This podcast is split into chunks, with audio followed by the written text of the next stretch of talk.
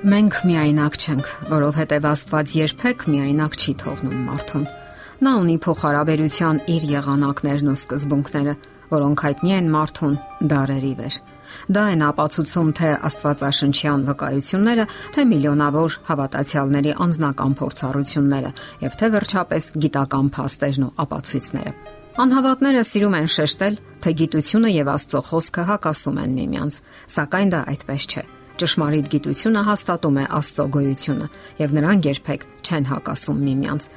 Իսկ ահա կեղծ գիտությունը փորձում է հակասել ու շղթել թե Աստծո գոյությունը, թե Աստվածաշունչ գրքի հավաստիությունը։ Իսկ հետեւյալ գիտական հայտնագործությունը լույս է սփռում շատ հարցերի վրա եւ ապացուցում Աստծո գոյությունը միանգամայն հետաքրքիր ու եզակի ձևով։ Հարվարդի գիտնականները հայտնում են, որ իրենք գտել են այն, ինչը կարելի է համարել Աստծո ուղերձը գրված մարդկային գենի ներսում։ Գենետիկների մի նշանավոր խումբ ուսումնասիրել է չծածկագրված ԴՆԹ-ի քիչ ուսումնասիրված մի բաժին եւ ցնցող եզրակացությունների հանգել։ Նրանք հայտնաբերել են հին արամեական լեզվով 22 բառանի մի հատված, որտեղ Աստված հաստատում է իր գոյությունը եւ դերը երկրի վրա կյանքը ստեղծելու գործում։ Այս ցնցող հետևությունը համարյա անհերքելի ապացույցներ է ներկայացնում այն մասին, որ Աստված գոյություն ունի եւ անառարկելի է նրա դերը արարչագործության մեջ։ Այդ ուղերձը հայտնաբերվել է, երբ հետազոտողները նկատել են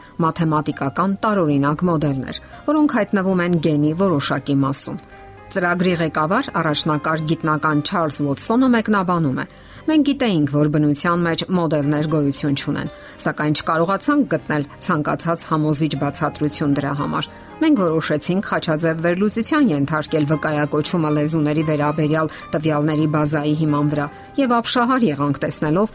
որ ԴՆԹ-ի մեջ հայտնաբերված մոդելները համապատասխանում են հին արամեական լեզվին։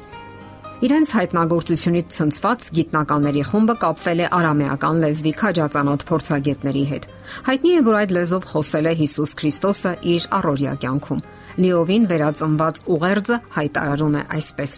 Ողջույն զավակներս, սա Յահվեն է, միակ ճշմարիտ Աստվածը։ Դուք գտակ արարչագործության գաղտնիքը։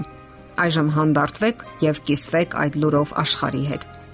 Յահվե բառը քրիստոնյաների Աստծո Աստվածաշնչյան անվանումն է։ Հետազոտության արդյունքները մոտ ժամանակներում կհրատարակվեն բնություն ամսագրում։ Ենթադրվում է, որ դրանք գիտական խոշոր բանավեճեր կհրահրեն գիտական շրջաններում, որովհետև Դարվինը հրատարակել է բնական ընտրության իր տեսությունը 1859 թվականին, եւ դրանք կմտնեն հակասության մեջ։ Դե ինչ, այս ամենը իսկապես հետաքրքիր ու ցնցող է որովհետև սիրող Աստվածը սրանով իր ներկայության մի նոր վկայություն է թողնում մարդկանց, այն, ինչ նա արդեն ներկայացրել է Աստվածաշնչում, որ սիրում է մարդկանց, որ ներում է մարդկանց բոլոր մեղքերը։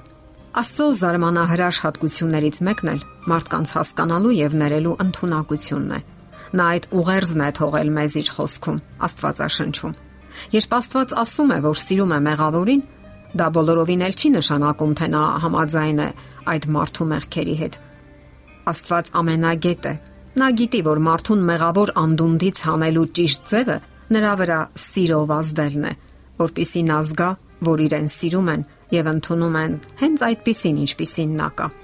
Այդպես վարվեց նա իրեն 3 անգամ ուրացած Պետրոսի հետ, երբ հարցրեց. Սիմոն, Հովնանի որդի, սիրում ես ինձ եւ կրկնեց նույն հարցը 3 անգամ։ Մինչ Պետրոսը սпасում էր հանդիմանությունների, падժի ու մերժման, նա տեսնում է սիրո վերաբերմունք եւ այդ վերաբերմունքի արձագանքը։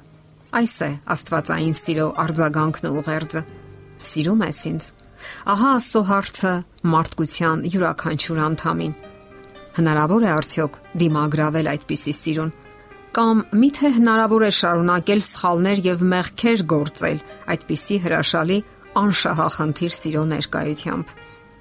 Եվ Աստված գիտի, որ բռնությամբ հնարավոր չէ սիրելի լինել։ Եթե չես սիրում անկեղծորեն եւ առանց վախի ու հարկադրանքի, սիրո մեջ վախ կամ բռնություն չկա։ Այդ պատճառով էլ Աստված մահացավ, որ թողնի իր անշահախնդիր սիրո ամենահզոր ապացույցը Չկա ավելի մեծ սեր, քան եթե մեկը զոհի իր կյանքը մերձավորի համար, վկայում է Աստվածաշունչը։ Իսկ որpիսի ճանաչենք նրան, անհրաժեշտ է մտերիմ հարաբերություններ։ Այդպես էին վարվում առաքյալները, ովքեր ամեն ինչ թողեցին ու գնացին նրա հետևից։ Այդպես վարվեց Գույրը, ով տեսողություն ստացավ Հիսուսին հավատալու եւ վստահելու արդյունքում։ Այդպես կարող ենք վարվել նաեւ մենք, թողնելով ժամանակավոր արժեքները եւ գնալով Հիսուսի հետևից։ Աստվածային սիրո ուղերձը հրճակում է. Եկեք իմ հետևից, հոգնածներ ու բեռնավորվածներ, եւ ես հանգիստ կտամ ձեզ։ Եվ այսօր մեզանից յուրաքանչյուրը ազատ է պատասխանելու Աստծո կոչին, ընդունելու նրան կամ չընդունելու։ Իսկ դրանից էլ կախված է մեզանից յուրաքանչյուրի հավերժական ճակատագիրը։ Եթերում է ղողանջ հավերժության հաղորդաշարը։ Ձեզ հետ է Գեղեցիկ Մարտիրոսյանը։